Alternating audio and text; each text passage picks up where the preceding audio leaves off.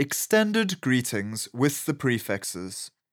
You can now also use these prefixes learned to expand your greeting capability by adding prefixes to what we have already learned as our greeting words.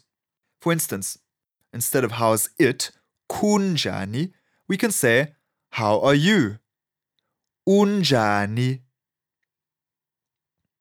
I am well. Ndiphilile. We don't add a ya because phila is not in its present positive form. Philile is a variation of the verb which we'll learn about later, but because it ends in ile, there's no ya. I am well. Ndiphilile. When talking to a group, we can now say, How are you plural? Ninjani. We are well. Siphilile. We are well too. Siphilile nathi.